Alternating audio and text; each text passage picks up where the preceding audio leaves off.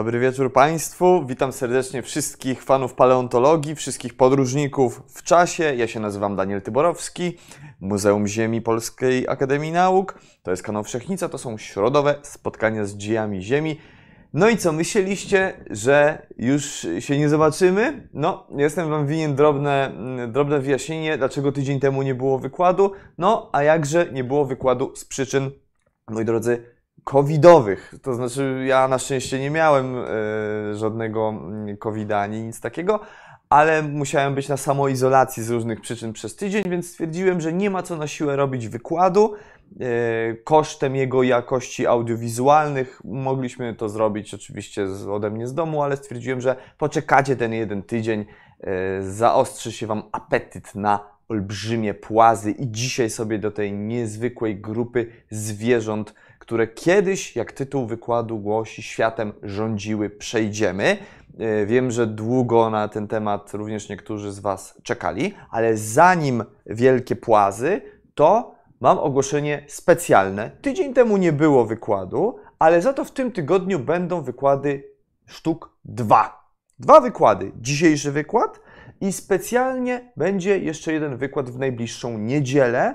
E, uważni fani wykładów o tematyce paleontologicznej e, na tym kanale wiedzą, że ja przed pandemią prowadziłem wykłady paleontologiczne w siedzibie Muzeum Ziemi. Koledzy z Wszechnicy je e, nagrywali i potem Wam tutaj puszczali. No i e, teraz z racji, że w najbliższą niedzielę będę pełnił dyżur właśnie w muzeum, to postanowiłem wrócić do tego formatu i raz na jakiś czas będzie też wykład w niedzielę, Taka miła niespodzianka. E, więc w najbliższą niedzielę 21 listopada o godzinie 13 zapraszam tutaj na kanale. Na żywo będzie wykład, ale tak jak mówię, z siedziby Muzeum Ziemi e, w Warszawie, a nie, a nie e, stąd ze studia. Już możecie sobie zajrzeć na kanał, tam jest, tam jest odpowiednie wydarzenie, ale oczywiście też, jeżeli ktoś jest z Warszawy lub okolic, to zapraszam serdecznie do muzeum, bo wykład będzie można wysłuchać również z siedziby mm, bezpośrednio, nie tutaj na YouTubie, tylko z Muzeum Ziemi. Więc jeżeli ktoś ma ochotę spędzić listopadową niedzielę w inny sposób niż przed laptopem, to oczywiście zapraszamy będzie potem można zbić pionę czy tam łokieć, pogadać przez chwilę. Także zapraszam serdecznie. Wykład będzie nie byle o czym, bo o bazylozaurach, a konkretnie o tym, czym się te bazylozaury żywiły. Przedstawię kilka takich najnowszych ustaleń e, badaczy, pokażę różne ciekawostki związane z trybem życia i środowiskiem życia tych pradawnych wielorybów. Kiedyś o bazylozaurach sobie trochę rozmawialiśmy, ale e, dosłownie tak liznęliśmy ten temat. Najbliższą niedzielę poświęcimy sobie cały taki godzinny, solidny wykład właśnie na te niezwykłe e, morskie drapieżniki. To w najbliższą niedzielę, a dzisiaj długo oczekiwane płazy. Kiedy płazy rządziły światem, czy kiedy płazy rządziły Ziemią, no był taki moment, taki epizod w dziejach naszej planety, kiedy rzeczywiście to płazy w pewnym sensie były tymi największymi, najgroźniejszymi drapieżnikami. Był taki moment. Dzisiaj płazy to nam się kojarzą gdzieś tam z żabą, może z salamandrą, może straszką, e, jak ktoś jest już takim e, turbofanem e, płazów, prawda? Raczej nie kojarzą nam się z dużymi zwierzętami. Ale dzisiaj się przekonacie, że były takie momenty w historii naszej planety, że płazy były wielkimi drapieżnikami. Konkretnie skupiać się będziemy dzisiaj na jednej e, grupie płazów, na jednym rzędzie, na płazach zwanych temnospondylami. Rząd się nazywa temnospondyli, po polsku temnospondyle. E, to były płazy, które tak na e, pierwszy rzut oka mogą przypominać tam trochę takie duże salamandry, chociaż z tymi salamandrami to tak prawdopodobnie nie za dużo mają znowu wspólnego ewolucyjnie. E, był to rząd niesłychanie zróżnicowanych płazów. To znaczy, one na pierwszy rzut oka mogą się wydawać komuś, kto nie miał styczności z tymi płazami do tej pory, dosyć homogeniczne. E, ogólnie plan budowy mają z grubsza podobny, ale zobaczycie, że były w tej grupie różne formy, mające różne kształty, rozmiary, wykształcające różne ciekawe przystosowania do życia w rozmaitych środowiskach.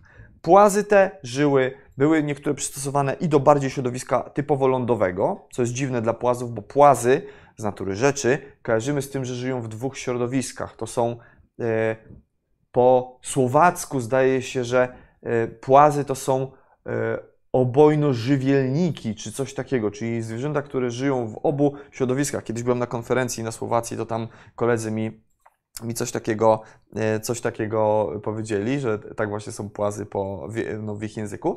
E, natomiast były takie temnospondyle, które żyły niemal wyłącznie na lądzie. Były też takie, które były przystosowane w zasadzie do środowiska e, morskiego, co też dla płazów może się wydawać czymś raczej dziwnym, bo płazy ze zbiornikami słodkimi kojarzymy, a dzisiaj e, pokażę Wam, że były i formy morskie, płytkomorskie, lagunowe.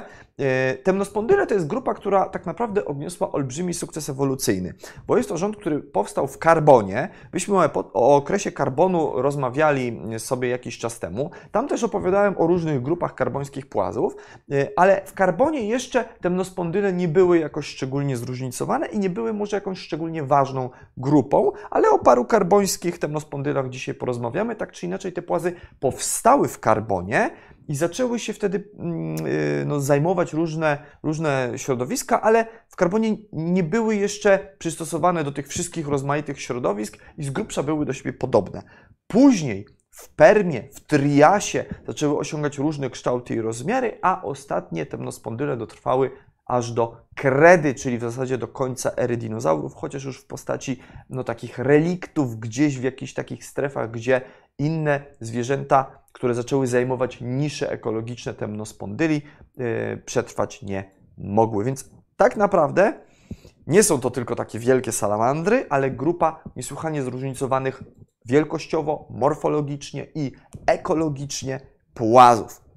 Większość temnospondyli, przeważająca większość, to były jednak formy niewielkie. No, niewielkie jak na powiedzmy e, pradawne formy życia, e, no bo w porównaniu do dzisiejszych płazów to można by powiedzieć, że były duże, bo przeważnie miały od pół do półtora metra długości, może do dwóch metrów. No to już dwumetrowy płaz, no to jest e, kawał zwierza. Mm, natomiast największe mogły osiągać 5-6 metrów, takie się zdarzały, ale naj, największe temnospondyle mogły być jeszcze większe niż 5 i 6 metrów. Ile mogły mierzyć największe temnospondyle, to jeszcze Wam nie powiem w trakcie wykładu, to wyjdzie na jaw. Więc grupa niesłychanie zróżnicowana, no ale oczywiście z racji, że jest to jeden rząd płazów, to yy, mają one pewne wspólne cechy, które no, będą dzielili po prostu wszyscy przedstawiciele tej grupy. I yy, Przede wszystkim, jak sobie właśnie, tak jak powiedziałem, popatrzymy na takiego typowego temnospondyla, to generalnie będą to zwierzęta raczej e, płaskie, płazy są płaskie, trochę tak jak właśnie salamandry. E, dach czaszki jest lity, e, są oczodoły, tak jak widzimy. Te oczodoły mogą być różnie położone na czaszce. I to zobaczycie za moment, że u niektórych temnospondyli te oczodoły były bardziej skierowane ku przodowi pyska, ku przodowi czaszki, natomiast u niektórych były bardzo daleko z tyłu, y, co prawdopodobnie y, wynikało też z różnych przystosowań, z różnego trybu życia tych zwierząt. Ale generalnie czaszka w ogólnym oglądzie ma taki stosunkowo prostą, prostą konstrukcję. Tutaj nie ma wymyślania. Y, to jest prosta, płaska czaszka z otworami na Oczy z przodu mamy oczywiście otwory y, na nozdrza, no a z tyłu czaszki widzimy te słynne wycięcia uszne. Y, skąd to się wzięło, to odsyłam do mojego wykładu o wyjściu kręgowców na ląd. Tam tłumaczyłem, jak wycięcia uszne z tyłu czaszki powstały. Y, I rzeczywiście tak generalnie, popatrzymy na głowę temnospondyla, czy ogólnie na plan budowy, to one mogą przypominać niektóre dzisiejsze płazy. Natomiast taka cecha najbardziej charakterystyczna dla tej grupy zwierząt, y, po której najłatwiej rozpoznać, czy dany płaz jest temnospondylem, czy nie. To jest grupa całkowicie wymarła, więc y, rozpoznać w postaci skamieniałości, które skamieniałości będą należały do temnospondylia, które nie. Należy tę czaszkę odwrócić y, do góry podniebieniem i to widzimy z prawej strony. Mamy czaszkę metopozaura, naszego swojskiego, takiego polskiego temnospondyla, odwróconą właśnie podniebieniem ku górze i tam widzimy są takie potężne dwa otwory, parzyste otwory, są to tak zwane okna podniebienne. Po prostu dwie takie dziury w podniebieniu. Bardzo charakterystyczna cecha. One oczywiście za życia były przykryte tkanką, e, natomiast e, jeśli idzie o samą kość, o sam materiał kostny skamieniałości, no to widzimy, że rzeczywiście takie dwa otwory potężne się tutaj znajdowały. Jest to cecha charakterystyczna właśnie dla temnospondyli. Okna w podniebieniu. Teraz jak wrócimy do tego generalnego planu budowy temnospondyli, to tak jak powiedziałem, przypomina to yy, sporą część dziś żyjących płazów, na przykład wielkie salamandry. Dzisiaj żyją salamandry w Azji, które mogą osiągać kilkadziesiąt centymetrów długości yy, i to już są giganty wśród płazów. Jak się dzisiaj okaże, to no właśnie te temnospondyle mogą być dużo, dużo większe. Natomiast generalnie plan budowy, taki wyjściowy plan budowy dla temnospondyla, to jest taka duża salamandra w uproszczeniu, ale pamiętajmy, że nie wiadomo tak naprawdę, czy dzisiejsze płazy, te płazy nowoczesne, wywodzą się w prostej linii od temnospondyli. Tutaj nie ma zgody, badacze nie są co do tego zgodni. Są tacy badacze płazów, którzy będą twierdzili, że rzeczywiście dzisiejsze płazy wywodzą się, te płazy nowoczesne wywodzą się od temnospondyli, ale będą też i tacy, którzy będą mówili, że tak nie jest. Zresztą Podobnie bardzo sytuacja ma się z pochodzeniem temnospondyli, bo też do końca e, badacze tutaj nie są zgodni. E, niektórzy twierdzą, że być może jest to grupa, która bezpośrednio wywodzi się z tych najpierwotniejszych czworonogów, najpierwotniejszych kręgowców, które wyszły na ląd, z wczesnych tetrapodów, takich jak ichtiostega czy akantostega, tych form dewońskich, ale znajdą się i tacy, którzy będą mówili, że jest to bzdura i że e, tak zupełnie nie jest. Więc te temnospondyle są troszeczkę w takim oderwaniu. Nie do końca wiadomo, tak na 100% od kogo się wywodzą i nie do końca wiadomo, czy one w pewnym sensie są jakoś związane blisko, czy też nie z dziś żyjącymi płazami. Ogólny plan budowy jak na takiego płaza ogoniastego powiedzmy przypadło, no, y, no to jest to taka y, jest to taka duża salamandra. Y, tutaj mamy taki plan budowy bardzo typowy, gdzie te proporcje ciała są zachowane. U wielu grup temnospondyli, jak zaraz zobaczycie, mm, dochodziło do powiększania czaszki i to w różny sposób. Ta czaszka zwiększała, generalnie była duża czaszka przeważnie u temnospondyli, to jest charakterystyczne, ale mogła być duża na różne sposoby. Co to znaczy? U niektórych mogły, mogły te czaszki stawać się takie duże, masywne, u innych płaskie i poszerzone, a u jeszcze innych wąskie i wydłużone, ale o tym za, za momencik. E, tutaj mamy również pokazany plan budowy ogólny temnospondyla, tylko już w przypadku szkieletu, żebyście widzieli, jak to wygląda. E, no mamy kręgi po kolei, płaska czaszka. To, co mówiłem, wygląda to dosyć prosto, czyli Mamy jakieś otwory na oczy, oczodoły, otwory na nozdrza. Mamy oczywiście kończyny, y, które jak, jak na płaza przystało, y, pełniły pewnie też jakieś funkcje y, lokomotoryczne związane z pływaniem, ale również z poruszaniem się po lądzie. Jak zobaczycie u różnych temnospondyli to różnie wyglądało. Charakterystyczna cecha u tych zwierząt to stosunkowo krótkie i proste żebra, tak sobie tylko sterczące na boki. Bardzo, bardzo charakterystyczna sprawa. Teraz mm, jakbyśmy wzięli sobie tego e, temnospondyla, ten, ten szkielet, który tu jest, albo jakiegokolwiek innego przedstawiciela tej grupy płazów i znowu obrócili ten szkielet brzuchem ku górze, e, to uzyskamy coś takiego. To jest znowu taki szkielet jakiegoś temnospondyla, ale on jest tak przecięty z jednej strony. Głowa jest na dole po prawej stronie, na górze po lewej mamy kręgi Mm, grzbietowe i, i żebra, i pomiędzy czaszką a kręgami widzimy taki swoisty pancerz. To jest też rzecz bardzo charakterystyczna dla tej grupy zwierząt, tak zwany pancerz piersiowy, y, który tak naprawdę y, jest przekształconymi kośćmi y, budującymi pas barkowy. Widzimy trzy takie główne kości, dwie po bokach i jedną taką rozbudowaną, centralną na środku te kości parzyste po bokach to są, e, to są po prostu obojczyki, a to, co jest pomiędzy, to jest, to jest międzyobojczyk. To znaczy, yy, to są elementy pasa barkowego, które właśnie taki, taki pancerz piersiowy na spodniej części ciała tego płaza tworzą. Po co taka struktura tym płazom? No, taki rozbudowany pancerz po spodniej stronie ciała stanowił swego rodzaju balast. Płazy no to zwierzęta, które oddychają powietrzem atmosferycznym, one musiały mieć pewnego rodzaju obciążnik w swoim ciele, który by sprawiał, że mogłyby się zanurzać.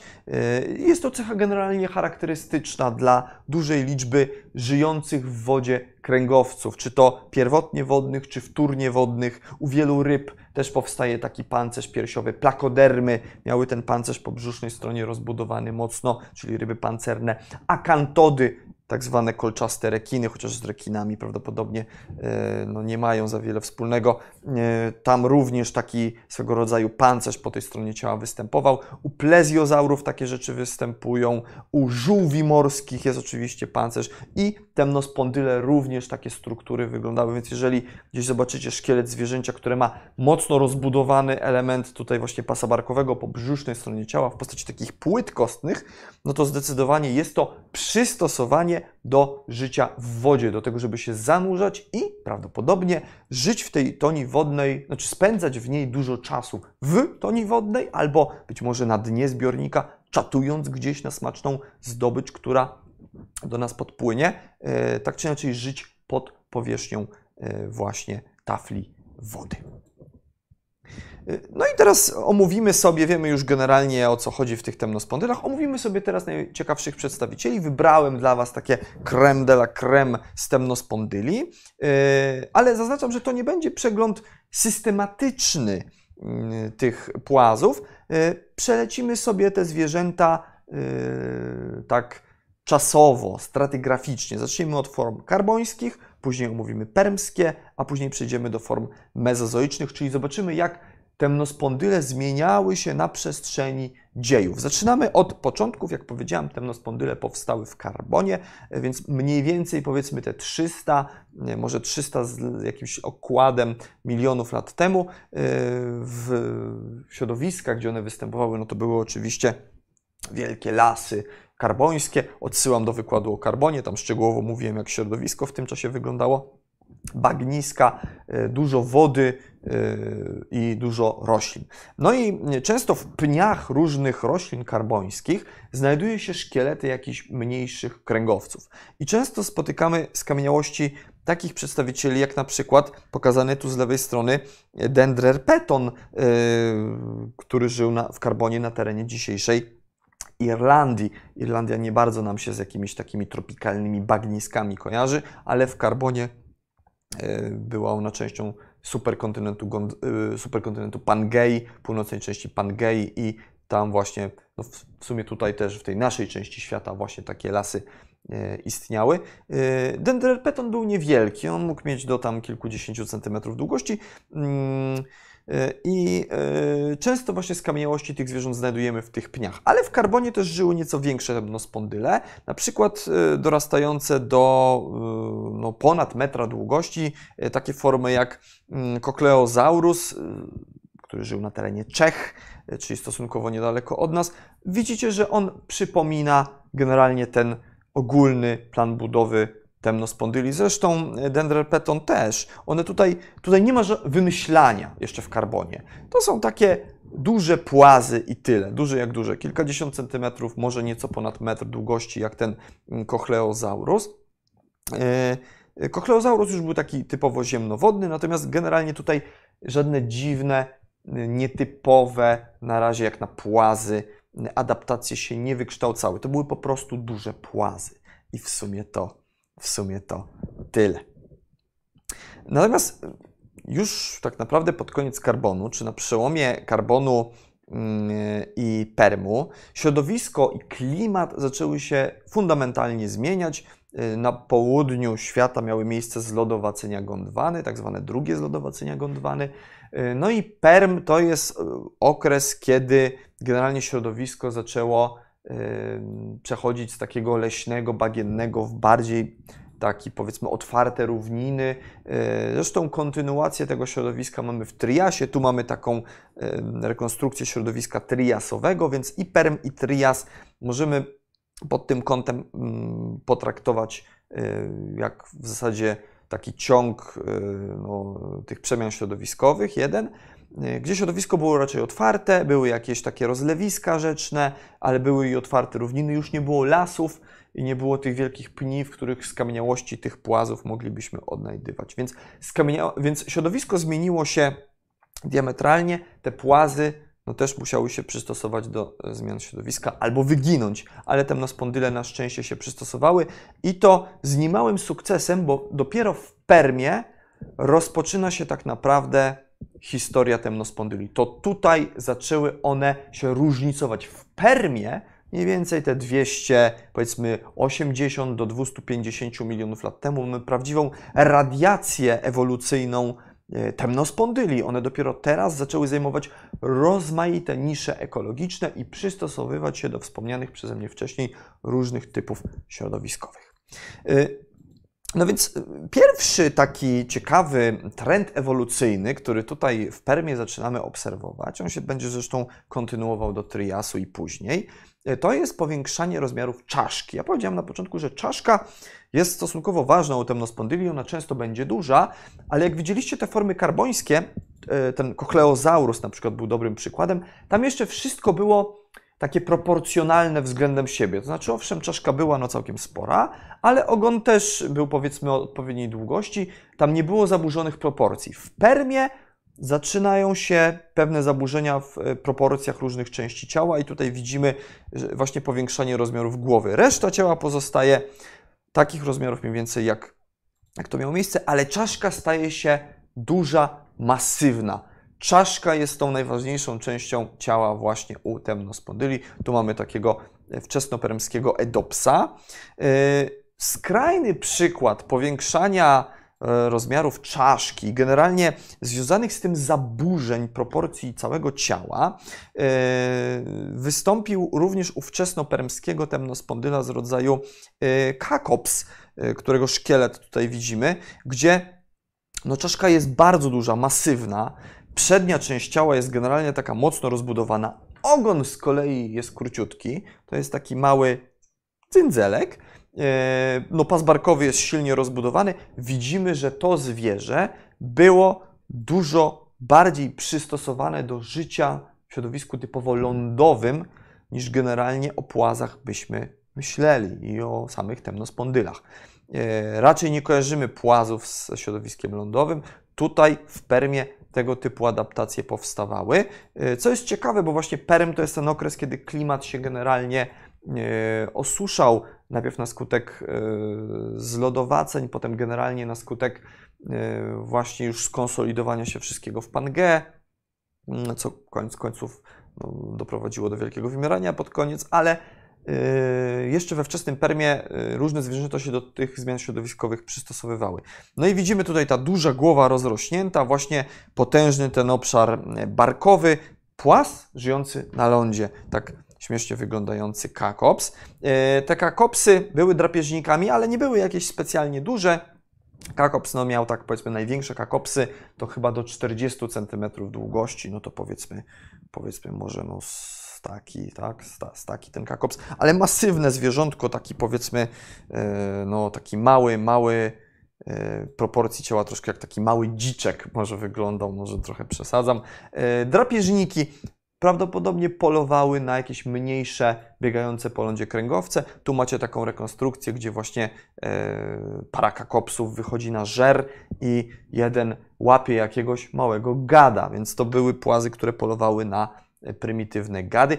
Na tej planszy też świetnie widać jeszcze jedną ważną cechę temnospondyli, ich charakterystyczne uzębienie, to znaczy mm, w szczękach zarówno w górnej szczęce, jak i na żuchwie temnospondyli było wiele rzędów zębów, niektóre były wykształcone w postaci takich występujących parami kłów. To jest bardzo charakterystyczne. Później jeszcze żuchwy triasowych temnospondyli będziemy oglądać, tam też to będzie widoczne, ale tutaj to bardzo, bardzo dobrze widać. No i jak taki kakops złapał na lądzie kogoś, on prawdopodobnie nie był jakimś szczególnie sprawnym biegaczem, natomiast Zasadzki mógł gdzieś tam się zaczaić na, y, na y, na jakąś mniejszą właśnie zdobyć na lądzie, podkreślam, na lądzie i tą, tym wielkim aparatem gębowym sobie takiego mniejszego gada wchłonąć.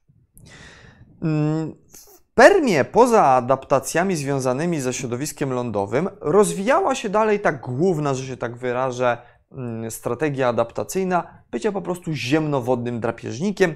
Dobrym przykładem jest e, Trematops, znany też jako e, Acheloma, zwierzę Również zwróćcie uwagę z takimi lekko już zaburzonymi proporcjami. Tutaj znowu ta czaszka jest taka nieco większa, bardziej wydłużona. Jak popatrzymy na szkielet, to ona jest w ogóle tak mocno zabudowana. Ona ma trochę kształt taki e, takiego, no nie wiem, takiej torpedy. Ma troszeczkę inny kształt, prawda? Bardzo charakterystyczną u tego trematopsa jest, są nozdrza, gdzie z przodu jest otwór właśnie e, e, na, na te wspomniane narządy zmysłów, a z tyłu jest jest jeszcze taka y, poziomo mm, znajdująca się półeczka, bardzo charakterystyczna dla tego rodzaju. Y, I to był drapieżnik polujący zarówno i w wodzie, jak i na lądzie. Y, tutaj mamy taką rekonstrukcję, gdzie znowu on się czai na jakiegoś chyba małego, małego gada, może na jakiegoś innego małego płaza. Całkowicie byłoby to możliwe, ale też to nie był ten trematops jakiś szczególnie mm, wielkim mięsożercą. Mm, no i wśród takich naprawdę gwiazd, jeśli idzie w ogóle nie tylko o temnospondyle, ale o faunę Permu jako okresu geologicznego, jednym z najbardziej ikonicznych zwierząt, jakie w tym czasie żyło, był Eriops który też reprezentuje te typowo ziemnowodne temnospondyle. To jest taki pelmski gwiazdor, bardzo popularny.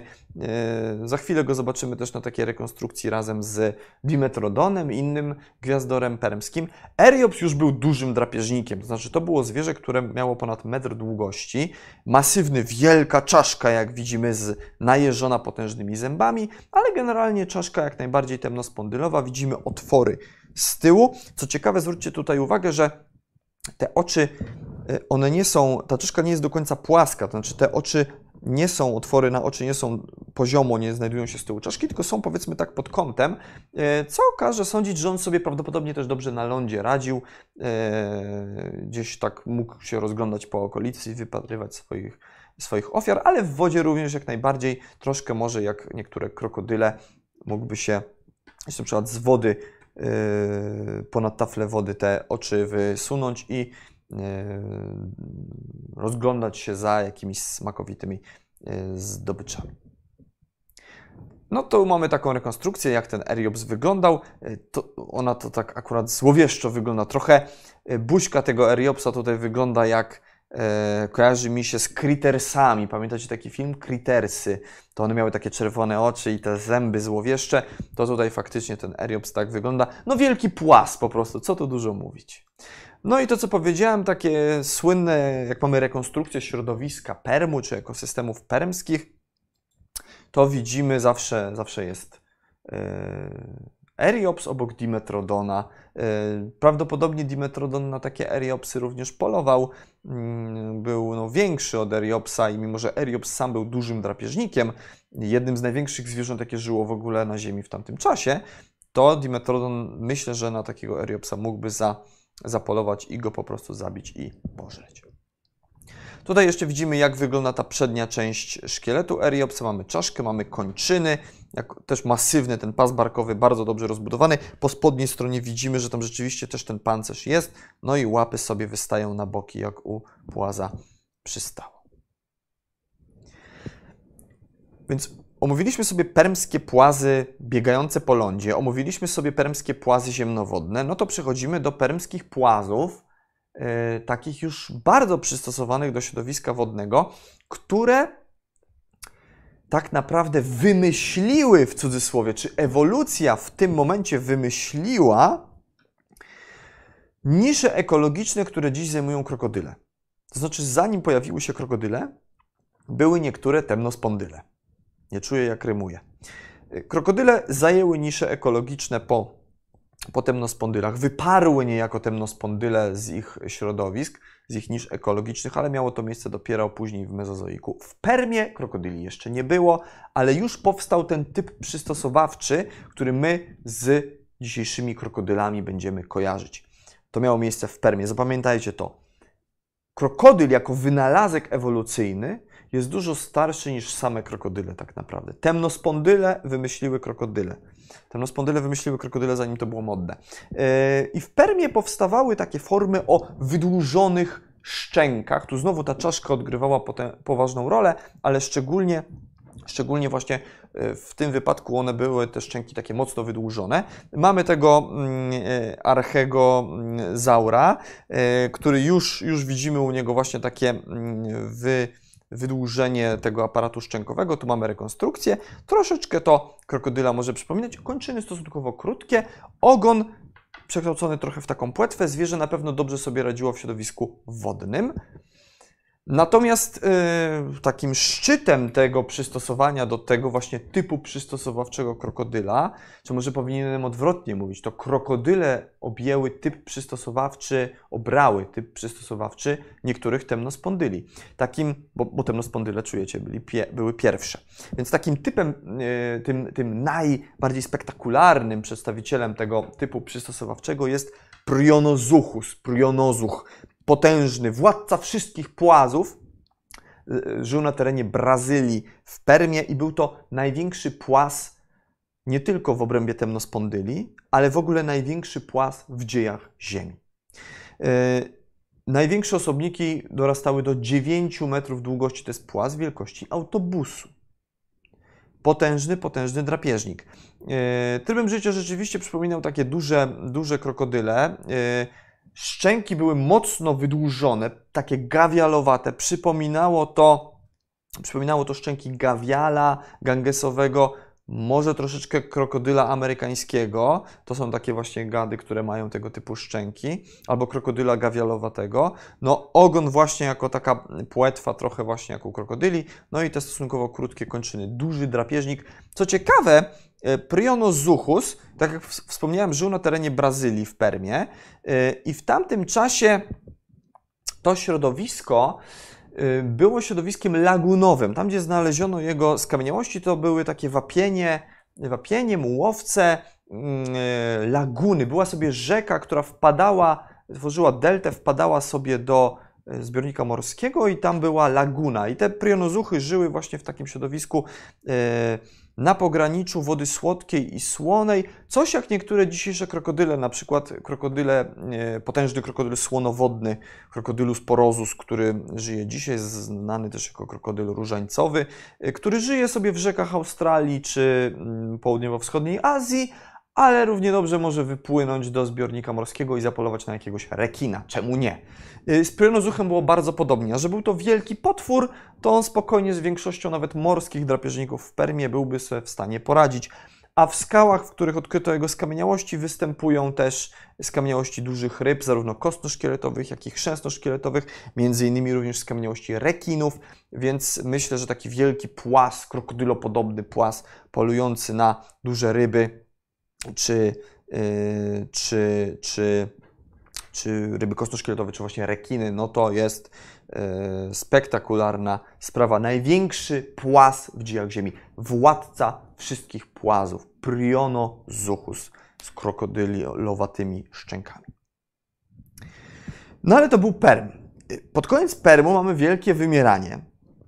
Wielkie wymieranie dotknęło temnospondyle również. One bardzo ucierpiały w tym czasie i po wielkim wymieraniu rozpoczyna się era dinozaurów, era mezozoiczna. Temnospondyle przetrwały to wymieranie, jednak po nim już nigdy nie osiągnęły takiego zróżnicowania, takiej bioróżnorodności jak w Permie. Perm to był zdecydowanie ten okres, kiedy właśnie możemy powiedzieć, że temnospondyle rządziły światem, że płazy rządziły światem. I Prionozuchus był w zasadzie największą formą życia w tym czasie na Ziemi, przynajmniej o jakiej wiemy. E, natomiast w Triasie temnospondyle jak najbardziej, czyli na początku ery dinozaurów, jak najbardziej temnospondyle były popularnymi zwierzętami. Było ich bardzo, bardzo dużo, jednak już nigdy nie osiągnęły takiej różnorodności biologicznej jak przed wielkim wymieraniem. E, natomiast to nie znaczy, że nie mogły osiągać sporych rozmiarów. I były w Triasie potężne temnospondyle, na przykład Paracyklotosaurus albo y, najlepszym przykładem jest chyba Mastodonsaurus, którego szkielet tu widzimy złowieszczo wyglądający, który do 5, może nawet 6 metrów długości mógł dorastać, więc potężny, potężny drapieżnik. I wszystkie te mezozoiczne temnospondyle raczej już nie wychodziły poza taki ziemnowodny, właśnie krokodylowaty tryb życia. Mimo, że może takich wydłużonych szczęk nie miały, wszystkie triasowe temnospondyle wróciły do planu budowy tego pierwotnego, czyli taka szeroka głowa, y, stosunkowo długi ogon, no i takie generalnie pokrój ciała trochę jak u wielkiej salamandry. Y, więc miały ten pokrój w triasie po wymieraniu. Nie było form biegających po lądzie, nie było form bardziej takich krokodylowatych. Gdzieś tam może się jakiś eo Cyklotozaurus może z tej e, reguły wyłamać, bo on żył w triasie i miał taki bardziej wydłużony pysk, ale no generalnie to był tryb życia takiego dużego krokodyla. Jeszcze w tym czasie krokodyli na Ziemi nie było, więc ciągle temnospondyle w zasadzie okazało się, że znalazły sobie tę niszę, która była na tyle stabilna, że były w stanie przetrwać masowe permskie wymieranie i doskonale sobie radziły w środowiskach e, właśnie takich wielkich rozlewisk, wielkich jezior, jeziorzysk w okresie triasowym 230-220 milionów lat temu. Mastodonsaurus jest w triasie ich tutaj zdecydowanym królem. Y, pewnie ciekawi Was skąd nazwa Mastodonsaurus. Czyżby to on był jakoś skojarzony z mastodontem? No w pewnym sensie tak.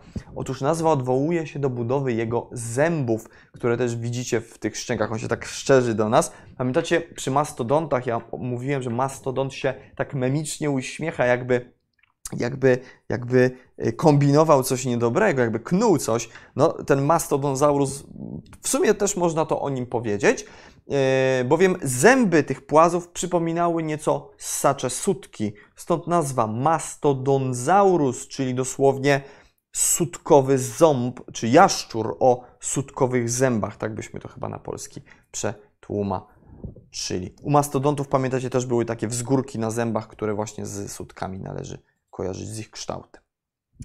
Y, jeśli idzie o triasowe temnospondyle, no to tutaj polska paleontologia ma się czym pochwalić.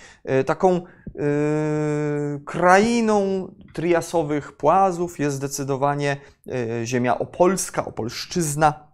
Tutaj szczególnie właśnie Uniwersytet Opolski prowadzi badania w tym kierunku konkretnie stanowisko w Krasiejowie, jedno z najbardziej znanych stanowisk paleontologicznych w ogóle na świecie, gdzie jest taki pawilon paleontologiczny. Jest oczywiście Jura Park, który wabi rekonstrukcjami dinozaurów gdzieś tam ze Stanów Zjednoczonych czy z Azji e, wabi turystów. Natomiast jest pawilon paleontologiczny, gdzie są wystawione in situ, jak to się mówi w paleontologii, czyli na miejscu, skamieniałości masowe nagromadzenia wielu triasowych zwierząt. Temnospondyle tam dominują. To była taka właśnie wielka, wielka taka, e, takie jeziorzyska, troszkę przecinane może rzekami i najprawdopodobniej na skutek jakiegoś gwałtownego wydarzenia związanego z powodzią, z takim wylaniem zbiornika, wszystkie żyjące tam formy życia zostały masowo zabite i pogrzebane w takim jednym cmentarzysku. Tam y, Uniwersytet Opolski, a konkretnie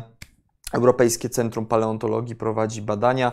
Za chwilę Wam trochę przybliżę tych badań, ale teraz zobaczmy sobie, jak to wygląda. No tak to wygląda. To znaczy jest dosłownie powierzchnia, gdzie się chodzi po czaszkach temnospondyli. Zobaczcie, tu jest temnospondyl na temnospondylu, to znaczy mamy czaszkę na czaszce, gdzieś tam jakaś żuchwa, widzimy czaszki od tej strony grzbietowej, poznajemy po oczach, po oczach ich poznacie, to tutaj poznajemy. Jak są oczodoły, to, to czaszka jest jakby frontem do klienta, y, górą, e, Natomiast widzimy też jedną czaszkę na przykład odwróconą, gdzie są te parzyste otwory podniebienne dla temnospondylów, tak bardzo charakterystyczne. E, no i to jest wszystko jedno na drugim. Jedno na drugim tam jest ładnie to wystawione w tym pawilonie paleontologicznym e, Uniwersytetu Opolskiego. Jest to do zobaczenia. Tam się chodzi po takiej powierzchni, gdzie jest szyba, chodzimy i oglądamy te nagromadzenia szkieletów wielkich płazów.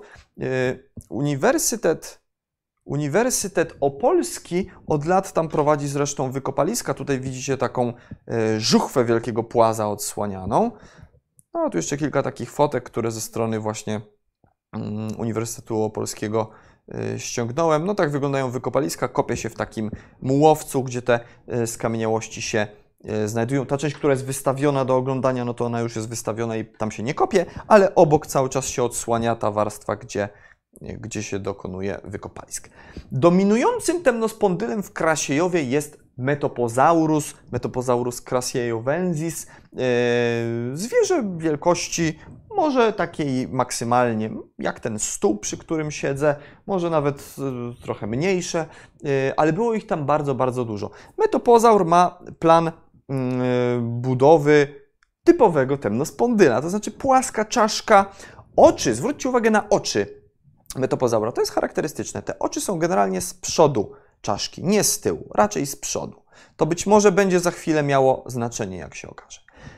Yy, kończyny oczywiście, ogon z taką płetewką, no plan budowy wielkiej salamandry. Temno, ma, metopozaury, tak po prawdzie, wyglądały jak takie duże, duże salamandry. Myślę, że dzisiejsza salamandra olbrzymia, która żyje w Azji, no bardzo te metopozaury yy, przypomina, bardzo i jeśli idzie o generalnie morfologię, i jeśli chodzi o rozmiary. Czyli jak na, jak na temnospondyle, to to nie były jakieś spektakularnie duże zwierzęta. Yy, mówiłem, że przybliżę Wam troszeczkę badań Polaków nad tymi płazami. No, Uniwersytet Opolski robi tutaj robotę. Yy, pokazywałem Wam, jak to wygląda, ile tam jest tych skamieniałości. Otóż jest ich na tyle dużo, tyle tam jest tych czaszek temnospondyli, że jest temnospondyl na temnospondylu na temnospondylu, temnospondylem pogania, że można sobie brać tych czaszek ileś tam chce na dobrą sprawę, albo jakichś innych kości, bo tam są inne też kości, ciąć je w drobny mak i prowadzić tak zwane badania histologiczne. Histologia, czyli badanie tkanek. Badamy mikrostrukturę, mikro, mikroanatomię, budowę wewnętrzną kości. Po co to robić? Po to, że budowa wewnętrzna kości, histologia mówi nam o paleobiologii, mówi nam o tym, jak zwierzę żyło, czym się żywiło, jaki miało tryb życia, gdzie żyło, czy żyło zgodnie z jakimiś rytmami, na przykład y, porami roku, rytmami dobowymi i tak dalej, i tak. No i tutaj tego typu badania właśnie przez kolegów z Opola są prowadzone. Zobaczcie, możemy brać taką żuchwę, no i każda taka czerwona linia po lewej stronie pod A zaznaczona, no to jest takie miejsce, gdzie, miejsce, gdzie tniemy, kroimy, bierzemy, nie, nie zackają się. No jak, słuchajcie, jak ma się tyle tych czaszek czy żuchw, to można sobie na to po prostu pozwolić tak naprawdę. Bierzemy, kroimy, tam już jak się znajduje kolejną żuchwę metopozaura, to już jest takie, e, metopozaur, dobra, to już tam zero, zero, ktoś by mógł powiedzieć, że zero ekscytacji, prawda? No właśnie nieprawda. Jak będziemy mieli dużo tych skamieniałości i odpowiednio dużo pokroimy, to będziemy mogli poznać jak te zwierzęta żyły i co robiły, a w gruncie rzeczy o to przecież właśnie chodzi.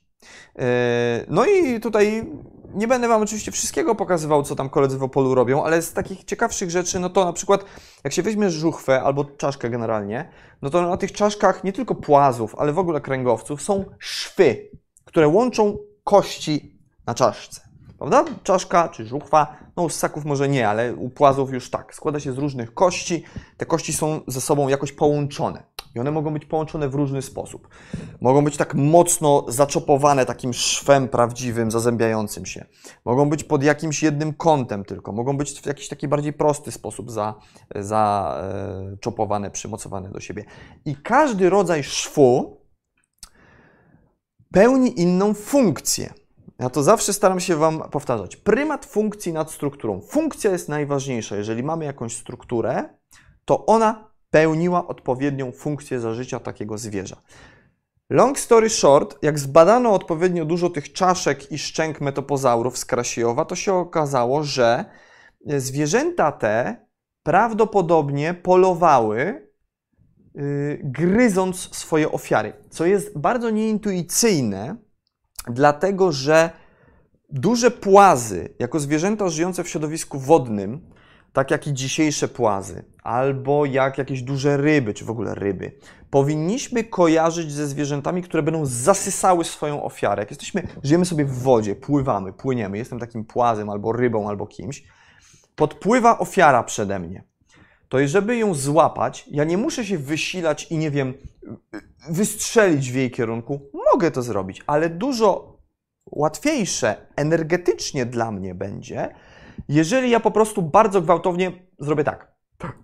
Otworzę szczęki. Coś płynie przede mną, ja robię i po prostu woda, w której ta ofiara jest zawieszona, zostanie zassana przez podciśnienie do mojej paszczy. To wykorzystują ryby, to wykorzystują płazy, to wykorzystują gady, to wykorzystują ssaki morskie. To jest powszechny w środowisku wodnym sposób polowania.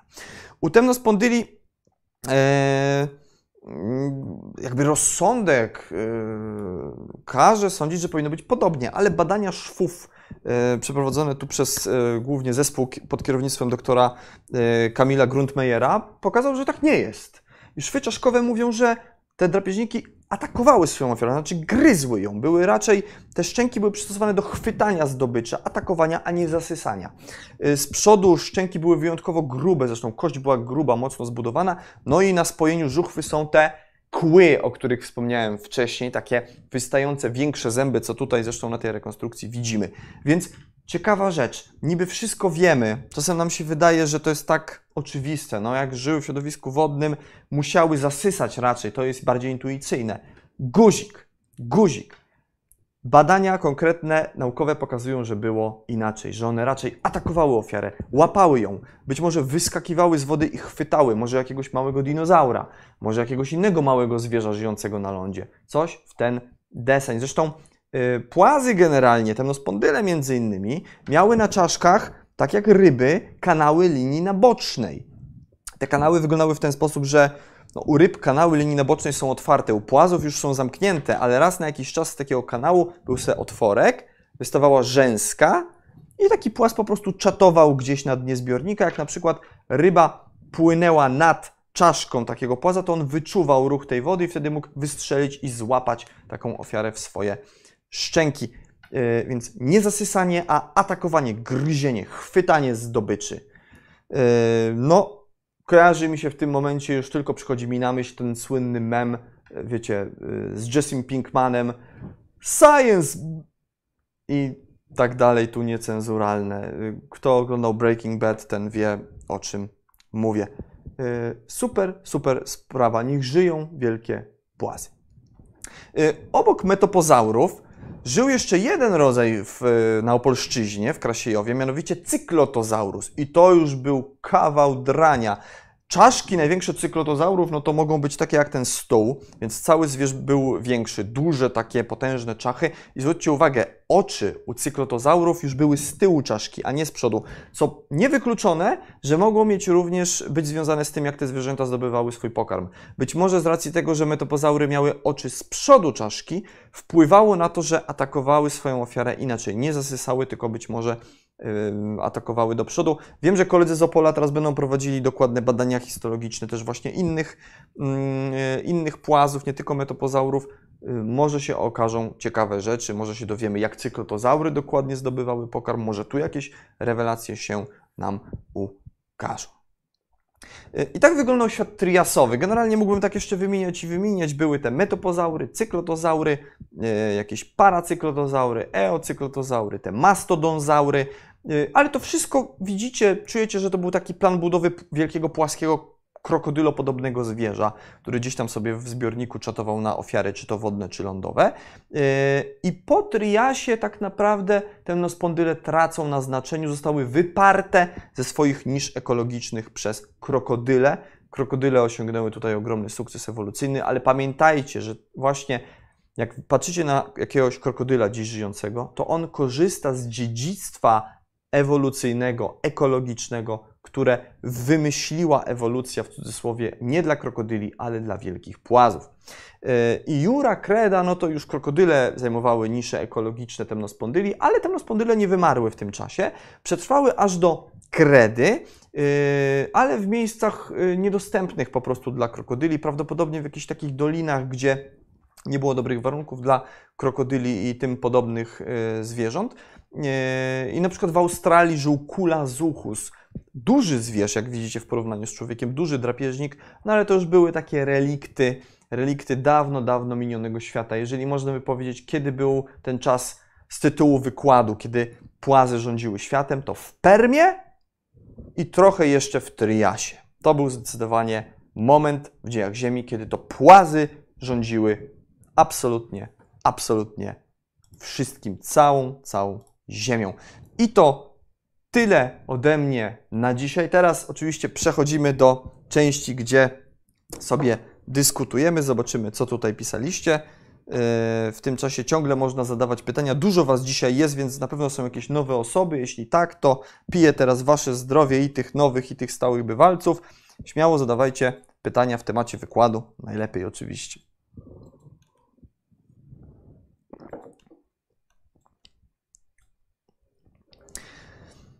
Czy Proterogyrynus mógł żyć na terenach lasu z epoki kambryjskiej? Jakie resztki znajdujemy na terenach Wałbrzycha? Tomasz Dam. Y, domyślam się, panie Tomaszu, że chodzi panu nie o epokę, tylko o okres. I nie o kambryjski, a karboński. Bo z tego czasu właśnie pochodzą złoża węgla y, generalnie w Europie te, te powiedzmy węgla właśnie kamiennego, w których ewentualnie skamieniałości płazów mogłyby występować. Oczywiście, że mogłyby tego typu płazy żyć. My najlepiej płazy z, z czasów karbońskich znamy E, generalnie z Europy Zachodniej, właśnie Wielka Brytania, Irlandia, e, tego, tego rodzaju regiony. E, ja nie kojarzę, żeby były jakieś takie konkretne znaleziska wielkich płazów karbońskich na terenie naszego kraju, co nie znaczy, że nie jest to możliwe. Jest to jak najbardziej możliwe, bo środowisko tutaj temu sprzyjało. Tylko należy by takie skamieniałości teraz odnaleźć.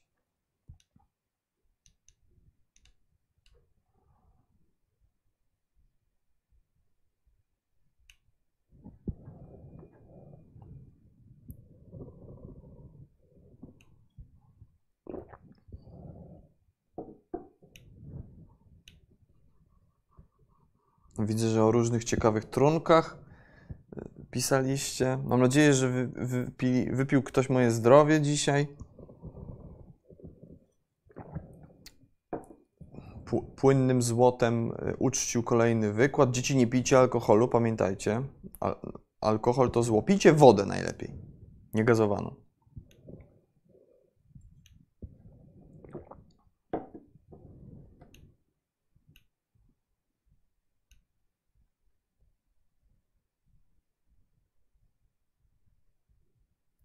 Jak pan prowadził wykład pod tytułem Jak powstały rybie szczęki, to przypomniał mi się film Szczęki. Pozdrawiam, Franek Najda. No nie dziwię się. Tro, trochę się nie dziwię, prawda? Po nazwie.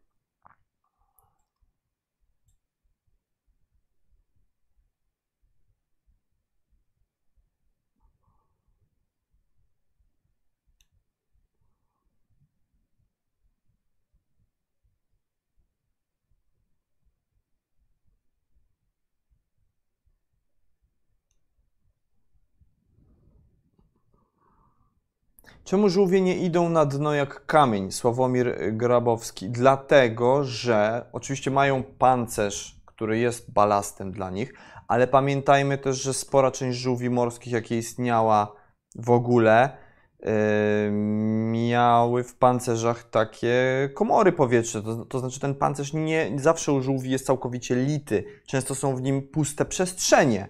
No a przede wszystkim odpowiedź na mm, pytanie pana Sławomira jest taka, że płazy są gadami, oddychają powietrzem atmosferycznym i mają w płucach powietrze, które y, ciągnie ciało takiego żółwia ku górze. Tak samo jak powietrze ciągnie ciało właśnie temnospondyla y, czy jakiegoś, nie wiem, wieloryba, prawda? To wszystko sprawia, że y, te, te, to ciało ma no ma swego rodzaju wyporność. E, I raczej właśnie trzeba w drugą stronę wykształcić adaptację, jak ten pancerz piersiowy, żeby móc w toni wodnej się odpowiednio utrzymać. Więc to jest najprostsze pytanie. Generalnie mają powietrze w płucach, ale tak jak mówię, niektóre mają ten pancerz tylko taki, no to tak na pozór jest taki pancerz. Tak naprawdę to jest czasami taka dużo mniej lita struktura.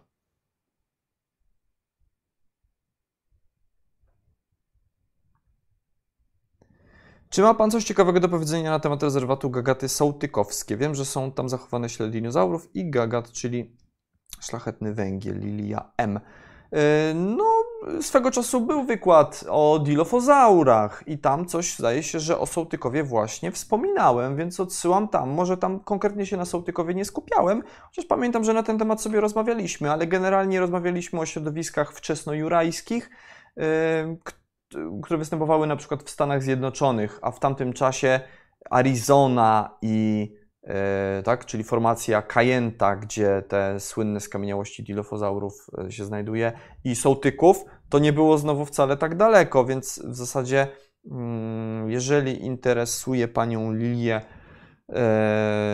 jak dokładnie wyglądało to miejsce te 190 milionów lat temu, to odsyłam do wykładu o dilofozaurach. Tam szerzej mówiłem, jakie rośliny na przykład żyły, co tam się znajdowało. Także polecam. Czy też rodziły się z ikry jak żaby, kawa z mlekiem? Generalnie temnospondyle, jak na płazy przystało, miały to stadium larwalne w swojej ontogenezie, e, czyli rozwoju osobniczym i my znamy kopalne stadia larwalne temnospondyli. Są nawet znane całe takie cykle rozwojowe. Jak jest sobie coś na kształt kijanki, i to y, można ustawić, y, one noszą tam różne nazwy, ale można je ustawić w pewien szereg, jak rósł taki temnospondyl, więc mm, tu jest troszeczkę taka parataksonomia. Czasami opisuje się takie kijanki temnospondyli, czy jakieś takie formy przejściowe no, między kijanką a formą dorosłą. Yy, opisuje się, daje się im inne nazwy niż formom yy, dojrzałym, ale są takie podejrzenia, że spora część z tych kijanek to mogą być właśnie yy, po prostu młodociane temnospondyle, a nie jakieś inne rodzaje.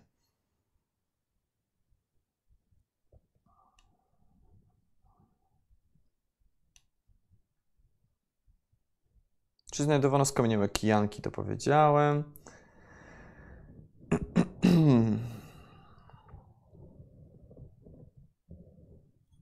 Jaki był największy płas w historii, to też powiedziałem dzisiaj. Olbrzymi prionozuch. Prionozuchus.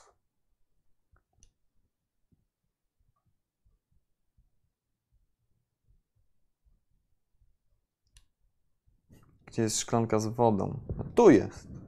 Tu. Co mogło być przyczyną tego powiększania czaszki upłazów w permie? Rafał mm, Krzeszowiec. Przyczyny tego mogły być różne. Zależy w, o którym typie przystosowawczym mówimy. Myślę, że, znaczy ogólnie pewnie jest to, że to były zwierzęta drapieżne, żarłoczne. Chęć zdobywania pożywienia była tutaj tym głównym czynnikiem E, takim spustowym. E, no natomiast zmiany kształtów u tych form bardziej wodnych szczęki się wydłużały, żeby móc właśnie tak jak krokodyl łapać na przykład jakieś ryby, drobną zdobycz.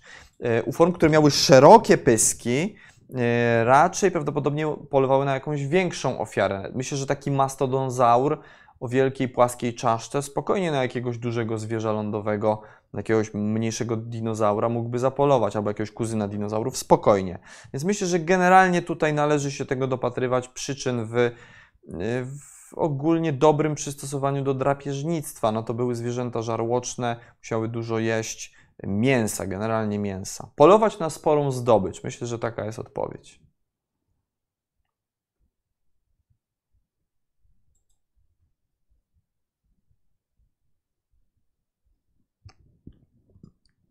Pan Piłka Nożna prowadził po raz kolejny wykład o skamieniałościach i szóstkę dostał, panie Piłka Nożna. Brawo, bijemy. Wszyscy teraz bijemy brawo. Piszemy w, y, na czacie brawo dla pana Piłki Nożnej. Brawo. Częściej, częściej, panie Piłka Nożna, wykłady takie, no, w szkole. I dobre ocenki za to wlatują do, do Librusa i, i gitara, nie? O to chodzi, tak trzeba żyć.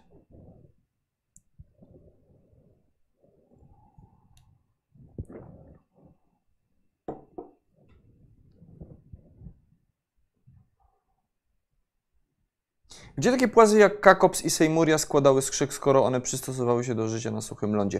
Ja myślę, że one składały jednak yy, skrzyk w wodzie. To znaczy, to nie jest tak, że one całkowicie porzuciły, wiecie, były płazami. No musiały być y, płazy z definicji cykl życiowy mają uniezależniony od wody, więc składały skrzyk zdecydowanie w wodzie. Tylko formy dojrzałe były przystosowane do życia na lądzie i tyle. Ale to ciągle były. Y, Kakops był płazem. Ta Seymuria tak, nie wiem do końca. Sejmuria to jest taka forma, troszeczkę niektórzy ją uważają za płaza, inni już chyba za gada. E, były takie formy problematyczne w karbonie i w permie. E, natomiast zdecydowanie te, te lądowe temnospondyle to formy dojrzałe były lądowe, młodociane ciągle żyły w wodzie.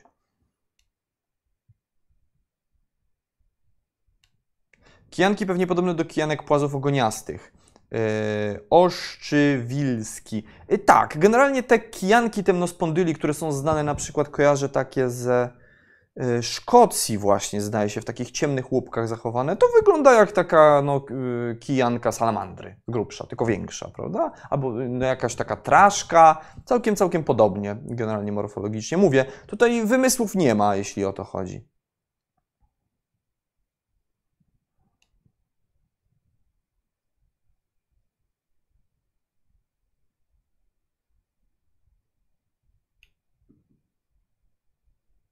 Proszę wodę dla wykładowcy. Woda jest, słuchajcie, zawsze ze mną. Zawsze tu jest woda. Wy czasami może nie widzicie, ale jest woda. Wasze zdrówko.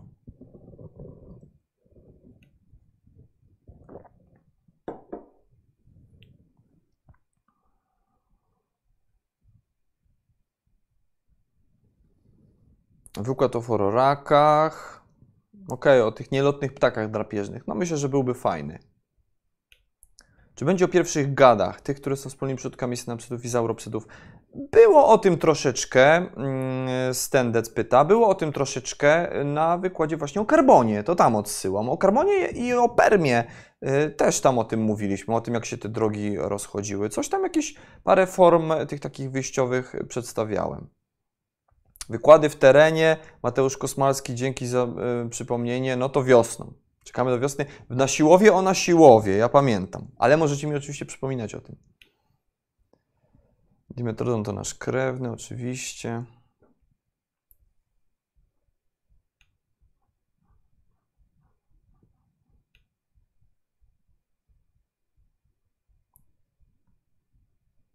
Czym właściwie różni się płas od gada? Leszek y, Torliński. W dużym telegraficznym skrócie płazy mają cykl życiowy uniezależniony od wody. Muszą się rozmnażać w wodzie, y, dlatego że jaja, te jaja, które składają, nie są jajami tak naprawdę, tylko y, no to jest tak jak kojarzycie skrzek żaby, prawda? Gady mają już jaja obdarzone mineralną skorupką, więc w samym jaju jest namiastka środowiska wodnego. Młode po wylęgnięciu się z jaja może hasać do woli po lądzie.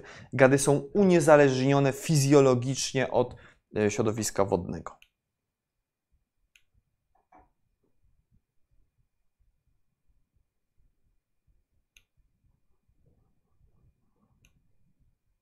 Czy temnospondyle były smaczne? Mark Benetti. Nie wiadomo, nie wiemy tego.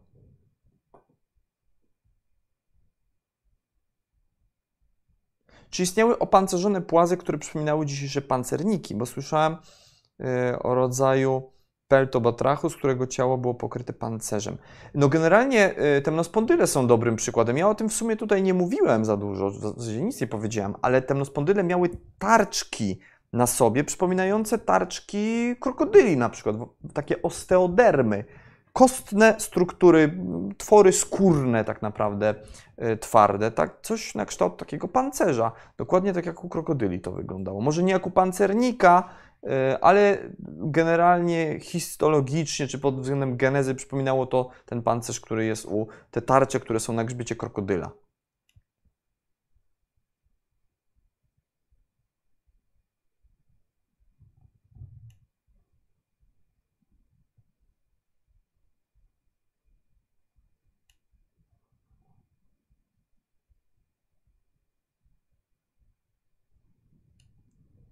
Czy oprócz Opolszczyzny, gdzie można szukać temnospondyli? W Polsce yy, były niektóre na przykład znalezione w, w Tatrach.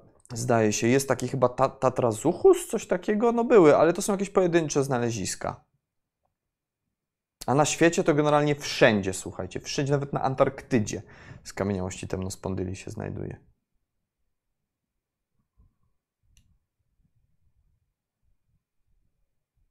Mastodonty są jak wiedźma. Tak, jak wiedźma. Dokładnie, dobrze, dobrze pamiętacie. No to widzicie, mastodonzaury też troszeczkę tak w takim razie, tak jak on się tak szczerzył, to witam, przyszedłem cię zjeść, kolego. Tak pewnie mówił do jakiegoś pradinozaura. Smutno było w zeszłym tygodniu, martwiliśmy się. No wybaczcie, mi też było smutno, dlatego polecam Gonzogorf śledzić fanpage na Facebooku Muzeum Ziemi, gdzie informacje się pojawiły, że wykładu w ubiegłym tygodniu w końcu miało nie być. Wybaczcie, no tak wyszło. E, było to troszeczkę nieplanowane. Miałem po prostu kontakt z osobą, e, która później miała dodatni test na COVID. Mi się okazało, że ja na szczęście nie, nie złapałem tego mm, COVID-a, ale no musiałem na takiej samoizolacji w domu posiedzieć. Wiecie, można byłoby zrobić ten wykład, tak jak powiedziałem, ale on by nie wyszedł tak fajnie jak tutaj w tym cudownym anturażu, tylko ode mnie z domu z kanapy i pewnie to nie wyglądałoby i brzmiało już tak fajnie, no bo bym pewnie na słuchawkach gdzieś tam mówił do Was, to stwierdziłem, że jednak wytrzymacie. A zresztą w, w tym tygodniu dwa wykłady będą, to wiecie. Nic tylko czekać.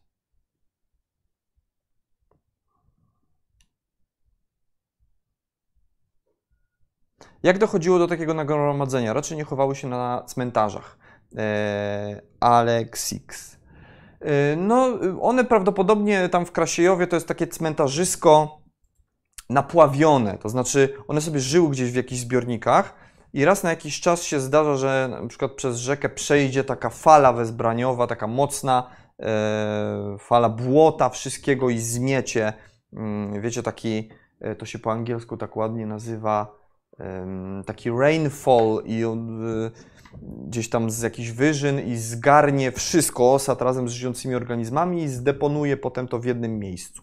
E, takie rzeczy mają dzisiaj miejsce, na przykład Dolina Brahmaputry w Azji jest świetnym przykładem. Tam raz na jakiś czas przez tą Dolinę Brahmaputry przechodzi właśnie taka, mm, taka, taka, takie gwałtowne zjawisko i potrafi pogrzebać razem jakieś krokodyle, nosorożce, słonie, Y, tygrysy, czasami to się zdarza. I prawdopodobnie to miało miejsce w Krasiejowie właśnie z tymi płazami.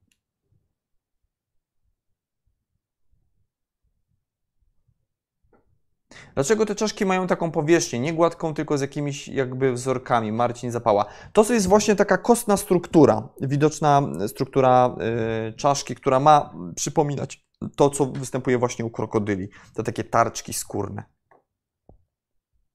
To jest po prostu ornamentacja kości.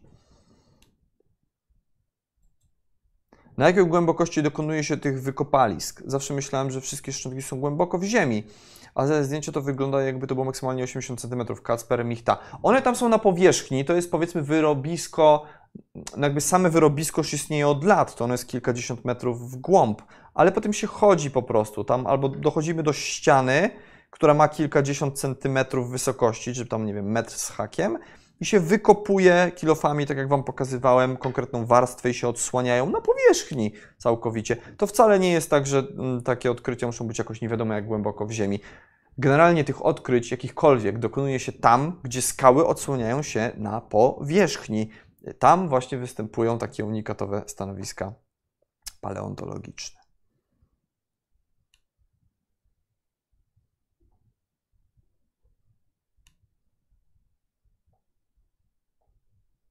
Czy każdy może pojechać i poszukać skamieniłości metopozaurów w Krasiejowie? Kafe, wiedza. Yy, myślę, że studenci na pewno, ale myślę, kojarzę, że tam Uniwersytet Opolski jest dosyć otwarty i myślę, że jak napiszecie, nie wiem, do, do profesora Bodziocha, który tam zdaje się, że kieruje tymi wykopaliskami triasowymi, to, to myślę, że można się będzie e, dogadać. Mam nadzieję, że profesora nie wkopałem teraz e, w coś i jutro się obudzi, sprawdzi pocztę, a tam tuzin maili, nie? Ale myślę, że to jest do ugadania. Kojarzę, że w Opolu to spokojnie, spokojnie można na takie wykopaliska pojechać.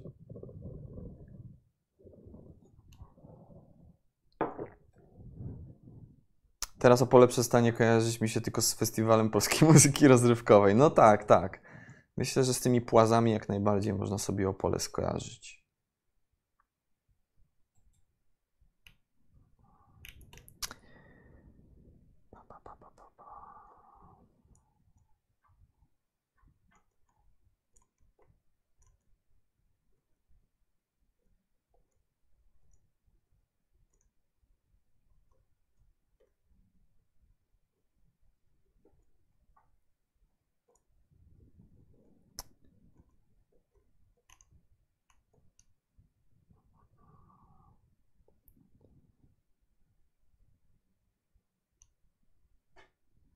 Czy po skamieniałych szczątkach naukowcy są w stanie określić, gdzie taki płas żył? Franciszek Najda. E, No oczywiście, że tak, bo te szczątki znajdujemy w konkretnym środowisku. My jesteśmy w stanie powiedzieć, jak wyglądało to środowisko tutaj na tym terenie i oczywiście, że tak. Wiemy, że to były takie wielkie jeziorzyska, może miejscami rzeki, coś w ten deseń. W przypadku tych triasowych.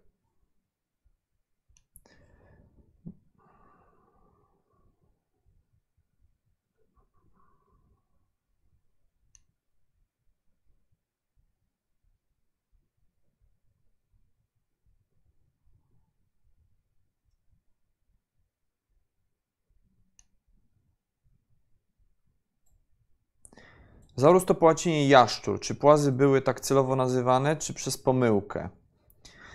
E, Jak jest płaz po łacinie? Piotr Rymasz. Mm, Ta nazwa zaurus oznacza się generalnie, oznacza jaszczura. Ale wiele zwierząt, które nie jest gadami, ma taką końcówkę nazwy. W niedzielę będziemy o bazylozaurach rozmawiać, które były ssakami. Czasami te nazwy były nadawane przez pomyłkę, czasami po prostu, żeby pokazać, że to zwierzę wygląda jak wielki jaszczur. No i tyle.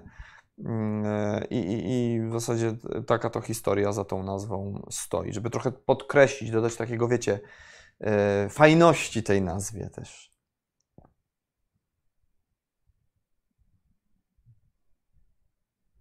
Jeżeli płazy rządziły w Permie, to kto rządził w Karbonie? Stawonogi? Czy duże lądowe stawonogi mogły polować na kręgowce?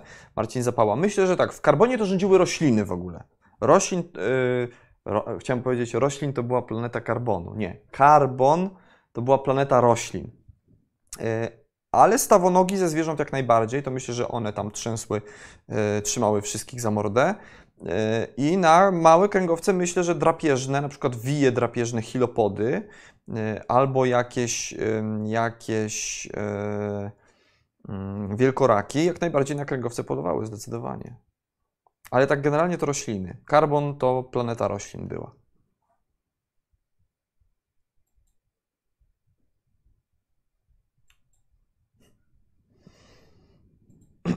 Czy mam procenty w tej szklance? Nie, no słuchajcie, woda. Woda, to jest woda. Dlatego tak często łyki biorę, bo to jest woda. Skąd się wzięły żaby? Yy, To jest historia dużo późniejsza. Dzisiaj nie będziemy w to wchodzić. Żaby to już należą do takich płazów naprawdę nowoczesnych. Yy, Chociaż troszeczkę rzeczywiście ich pochodzenie gdzieś tam ginie w mrokach dziejów.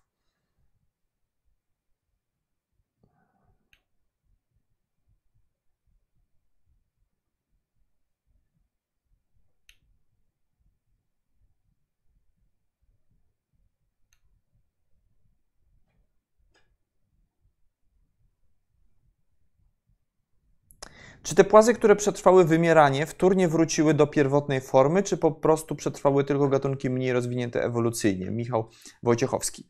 To nie jest tak, że przetrwały te pierwotne ewolucyjnie. To były zwierzęta, te triasowe formy, one kształtem i trybem życia odpowiadały tym formom najpierwotniejszym. Ale to nie byli przedstawiciele tych najpierwotniejszych grup temnospondyli. Te, te temnospondyle triasowe w ogóle należą do takiej grupy stereospondyli to się nazywa. I to jest ta taka najbardziej nowoczesna grupa temnospondyli tak naprawdę, ewolucyjnie. One po prostu tryb życia miały taki, że przypominały te pierwotne formy i tyle. E, okazało się, że ta nisza ekologiczna takiego płaskiego stwora ziemnowodnego jest najbardziej skuteczna dla tej grupy. Po prostu już nie mogły zajmować po permie tych innych nisz ekologicznych, e, więc skupiały się w tej niszy, y, której mogły się no, dowoli realizować, że się tak wyrażę. Ja wypiję pana zdrowie, bo jestem nowy, Mark Benetti. O, to zdrowie Marka. Wszystkich nowych teraz zdrowie pijam. Wpadajcie tutaj w środę o 18. I w najbliższą niedzielę o 13 też wpadnijcie koniecznie. Mm. Wykład o gadach latających. Pamiętam, będzie już niedługo. Nie bójcie się. Czy będzie wykład o grzybach, Majki Majki? Wykład chyba nie, Ale yy, niedawno brałem udział w takiej audycji radiowej, yy, czasami tam nagrywam taką audycję Tajemnicze Dzieje Ziemi z redaktorem Pawłem Zjegerem, gdzie właśnie o grzybach rozmawialiśmy. Wczoraj to nagrywaliśmy, nie wiem kiedy to pójdzie, yy, kiedy to będzie w radiu, ale, ale, ale ostatnio właśnie był odcinek nagrywany o grzybach, o ewolucji grzybów.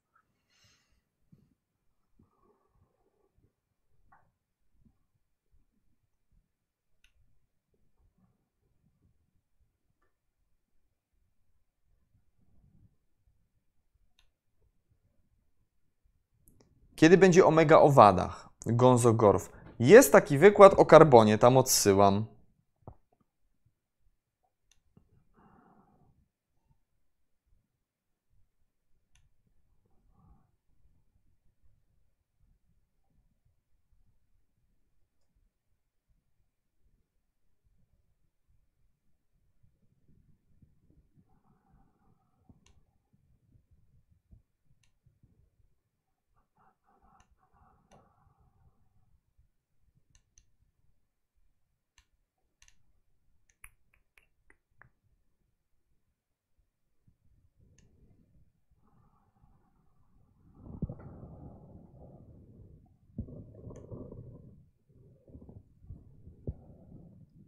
Polecam kanał Paweł i Grzyby.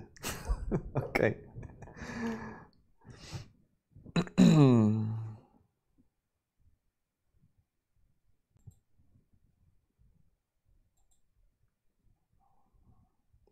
Będzie o pterozaurach, będzie niedługo, już niedługo.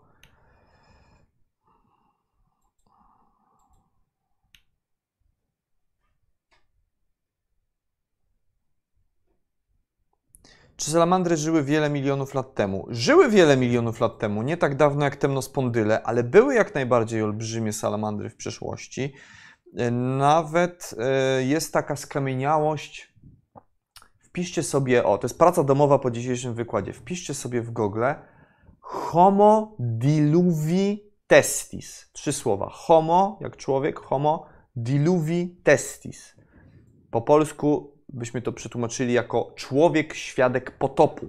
To jest skamieniałość wielkiej salamandry mioceńskiej, zdaje się, wielkości człowieka, która przez dawnych ludzi była uważana za skamieniałą, taką skamieniałego sprasowany szkielet człowieka. Bo wiecie, jak weźmiemy szkielet salamandry, dużej wielkości człowieka, spłaszczymy jeszcze i on będzie miał ileś tam milionów lat, to trochę przypominał dawnym ludziom y, człowieka po prostu i sądzili, że to był właśnie że to był dowód na to, że miał miejsce potop. Homo diluvi testis, człowiek świadek potopu, wielka salamandra. Praca domowa na dziś. Także były wielkie salamandry w przeszłości.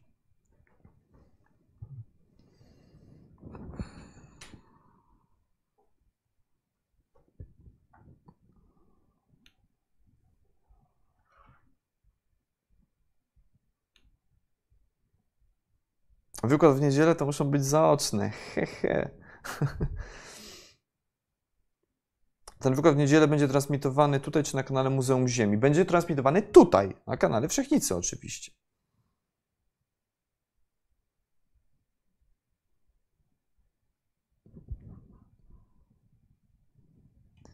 No dobrze, moi drodzy, mamy 18 po, będziemy kończyli powoli. Jeszcze tak patrzę, może wyłowię jakieś ze dwa pytanka.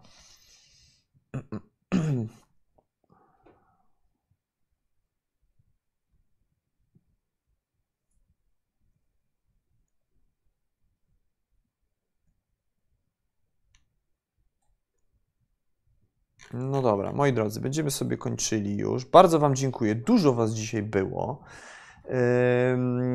Pamiętajcie, że e, w niedzielę o godzinie 13 wykład tu na kanale Wszechnicy. Ci wszyscy, którzy nie są z Warszawy ani z okolic, wiem, że z całego świata mnie oglądacie. Dzisiaj Was było ponad 300 osób. Dobra robota. E, brawa dla Was, to są moje brawa dla Was i ukłony. I teraz zdrowie Was wszystkich znowu piję. Tu już widzicie wydarzenie na, na YouTubie a propos niedzielnego wykładu o bazylozaurach, o ich ofiarach, środowisku, odkryciach, różnych ciekawych badaniach sobie porozmawiamy przez całą godzinę. E, natomiast ci, którzy y, są z Warszawy albo z okolic, to zapraszam w niedzielę o 13 w warunkach, y, to będzie oczywiście sanitarnych zachowane, do Muzeum Ziemi. Tam wykład o godzinie 13, potem będziemy mogli sobie, tak jak mówię, zbić pionę czy tam co innego i pogadać. Dziękuję Wam pięknie, już piszecie Dzieje Ziemi. Bardzo mnie to cieszy. Wszyscy, którzy dotrwali do tego momentu, niech piszą też Dzieje Ziemi oczywiście w komentarzach na YouTubie. E, Szczególnie ci, co z puszki oglądają, to już nie mają innego wyjścia. E, W niedzielę widzimy się o 13:00 wykład o bazylozaurach, a za tydzień wykład, o który prosiliście bardzo, bardzo, bardzo, bardzo długo, czyli megafauna Australii. Macie to, doczekaliście się, długo, długo na to czekaliście, prosiliście i za tydzień wykład o tym niezwykłym kontynencie i jego olbrzymich pleistoceńskich mieszkańcach porozmawiamy. Taki wykład się odbędzie. Dziękuję Wam pięknie, kłaniam się. Paleontologiczne pozdrowienia. Ja się nazywałem Daniel Tyborowski, czy dalej się tak nazywam. Y, To był, czy jest kanał Wszechnica Środowe. Spotkania z dziejami Ziemi. Do zobaczenia. Hej!